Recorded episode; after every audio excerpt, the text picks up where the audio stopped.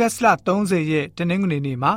လေ့လာသွားမယ့်ဥပုသ္စာပြေသင်ခန်းစာရဲ့ခေါင်းစဉ်ကတော့အဖွဲ့ငယ်ပထမဆုံးဖျားသခင်ဤအကျင့်အစီဖြစ်ပါတယ်။ကပောက်ကျန်းခန်းကြီး1ငွေ1ငွေ2ငွေ26ဟေဘရဲဩရစာခန်းကြီး1ငွေ1နဲ့2နဲ့အေဖေဩရစာခန်းကြီး3ငွေ8နဲ့9ကိုဖတ်ပါမယ်။အဲ့ဒီကျမ်းချက်တွေဟာဆိုလို့ရှိရင်သုံးပါးတဆူရဲ့စီလုံးမှုကိုဘယ်လိုမျိုးဖော်ပြထားလဲဆိုတာကိုကြည့်ကြပါစို့။ အစအဦး၌ဖျားသခင်သည်ကောင်းကင်နှင့်မြေကြီးကိုဖန်ဆင်းတော်မူ၏။မြေကြီးသည်အစင်းတံမရှိလွတ်လပ်လဟာဖြစ်၏နည်းနည်းသောအရက်ကိုမှောက်မိုက်ဖုံးလွှမ်း၍ဖျားသခင်၏ဝိညာဉ်တော်သည်ရေမျက်နှာပြင်ပေါ်မှလှုပ်ရှားတော်မူ၏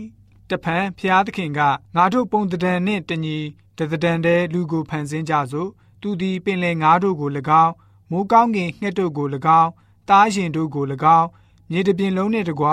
မြေပေါ်မှတွားတက်သောတရိษံအပေါင်းတို့ကို၎င်းအုပ်ဆိုးစေဟု အမိန့်တော်ရှိ၏ရှေးလွန်လင်ပြီးသောအခါပျောဖက်များအားဖြင့်ဘိုးဘေးတို့အားအထက်ထက်အနီးနီးဗျာဒိတ်ပေးတော်မူသောဖျားသခင်သည်ဤနောက်ဆုံးကာလအခါမိမိသားတော်အားဖြင့်ငါတို့အားဗျာဒိတ်ပေးတော်မူပြီးထိုသားတော်ကိုအလုံးစုံတို့၏အမွေခံသခင်အရာ၌ခံထားတော်မူ၏သားတော်အားဖြင့်လည်းလောကဓာတ်တို့ကိုတည်တော်မူ၏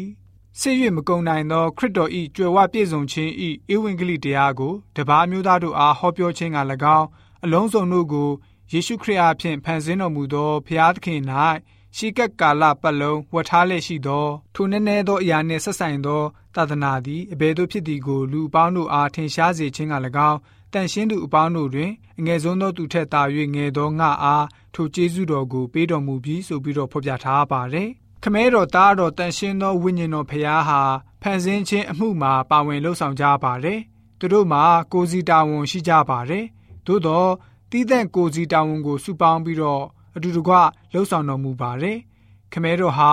ပုံစံဖော်ဆောင်သူအရှင်ဖြစ်ပါတယ်။ကြီးမြတ်တဲ့ဘိတုကာရှင်ကြီးဖြစ်ပါတယ်။ခမဲတော်ဟာမိမိရဲ့အကြံစီတော်ကိုယေရှုရှင်ကို ပြောကြားပေးပြီး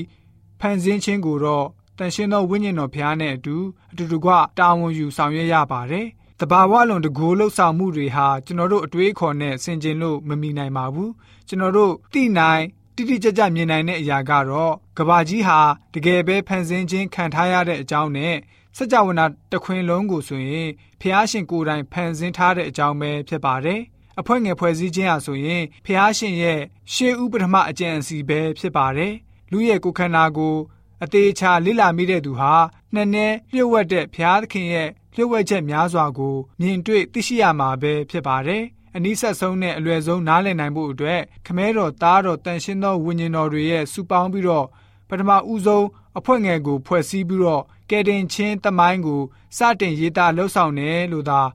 အလွယ်တကူမှတ်ယူကြဖို့ဖြစ်ပါတယ်။လူသားမျိုးနွယ်ကိုအဲ့ဒီအဖွဲ့ငယ်နဲ့စတင်ဖန်ဆင်းပြီးတော့အပြစ်ကြောက်ရောက်သွားတဲ့အခါမှာ ပြန်ပြီးတော့ရွေးနှုတ်ကယ်တင်ခြင်းအမှုကိုလည်းပဲအဲ့ဒီသုံးပါအဖွဲ့ငယ်ကပဲလှုပ်ဆောင်တော်မူခဲ့ပါတယ်။ရှင်ခရစ်ဝင်ခန်းကြီး30ငွေ16ကိုယောမဩရစာခန်းကြီး8ငွေ17နဲ့ကောရိန္သုဩရစာပထမဆုံးခန်းကြီး15ငွေ15နဲ့နှိုင်းရှင်ပြီးတော့ဖတ်ရှုမှာဖြစ်ပါတယ်။ခမဲတော်သားတော်တန်ရှင်းသောဝိညာဉ်တော်တွေရဲ့ကယ်တင်ခြင်းစီမံကိန်းအတွက်ခရစ်တော်ရဲ့ရှင်ပြန်ထမြောက်ခြင်းဟာဘယ်လိုမျိုးလက်တွေ့ပြသပေးနေသလဲဆိုတာကိုကြည့်ကြပါစို့။ ငါသည်ကိုယ့်အသက်ကိုဆွန့်၍နောက်တစ်ဖန်ယူအောင်မည်ဖြစ်သောကြောင့်ငါခမဲတော်သည်ငါ့ကိုချစ်တော်မူ၏ငါအသက်ကိုအဘယ်သူမျှမလူမယူကိုယ့်အလိုအလျောက်ငါစွန့်၏ကိုယ့်အသက်ကိုစွန့်ရသောအခွင့်နှင့်နောက်တစ်ဖန်ကိုယ့်အသက်ကိုယူပြန်ရသောအခွင့်သည်ငါ၌ရှိ၏ထိုအခွင့်ကိုခမဲတော်သည်ပေးတော်မူပြီးဟုမိန့်တော်မူ၏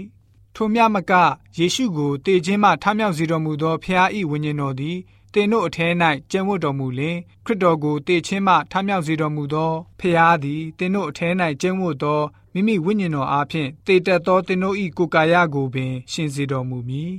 ထိုမြမကငါတို့သည်ဖျားသခင်၏အမှုမှာမှန်မှန်သောတသက်ခံဖြစ်ကြ၏အကြောင်းမူကားတေလွန်သောသူတို့သည်ထမြောက်ခြင်းမရှိလျင်ဖျားသခင်သည် ခရစ်တော်ကိုထမြောက်စေတော်မူမူယခုမှခရစ်တော်ကိုထမြောက်စေတော်မူပြီးဟုငါတို့သည်ဖျားသခင်၏အကြောင်းကိုတသက်ခံကြ၏တေလွန်သောသူတို့သည်ထမြောက်ခြင်းမရှိလျင်ခရစ်တော်သည်ထမြောက်တော်မူမူဆိုပြီးတော့ဖော်ပြထားပါတယ်ခမဲတော်တားတော်တန်ရှင်းသောဝိညာဉ်တော်ကပေါင်းစည်းပြီးတော့အဖွဲ့ငယ်ဖွဲ့ပြီးတော့လူသားမျိုးနွယ်ကိုရွေးနှုတ်ကယ်တင်ဖို့အတွက်မိမိတို့ရဲ့အကြံစီကိုအကောင့်ထဲပေါ်ခဲ့ပါတယ်။ဝိညာဉ်တော်စာပေဖြစ်တဲ့ Ijikwai Fundamentals of Christian Education စာမျက်နှာ186မှာဆိုရင် ကယ်တင်ခြင်းစီမံကိန်းမှာအဆုံးမရှိတိုင်းထွာလို့မရတဲ့အကြံတော်ကိုချမှတ်ထားတယ်ဆိုပြီးတော့ဖော်ပြထားပါတယ်။လူကိုများတဲ့များစွာကယ်တင်နိုင်မှုအပြင်ဖျားရှင်မှာဘယ်အရေးကြီးတဲ့အရာမှမရှိပါဘူးအခုတစ်ပတ်သင်ခန်းစာမှာအဖွဲ့ငယ်တွေရဲ့ညောင်များစွာသောရည်ရွယ်ချက်အကြောင်းတွေရှိပါလိမ့်မယ်အချုပ်အခြာရည်ရွယ်ချက်ကတော့ပျောက်ဆုံးလူသားတွေရဲ့ဝိညာဉ်ကိုယေရှုရှင်ထံတော်ကိုခေါ်ဆောင်လာဖို့သာဖြစ်ပါတယ်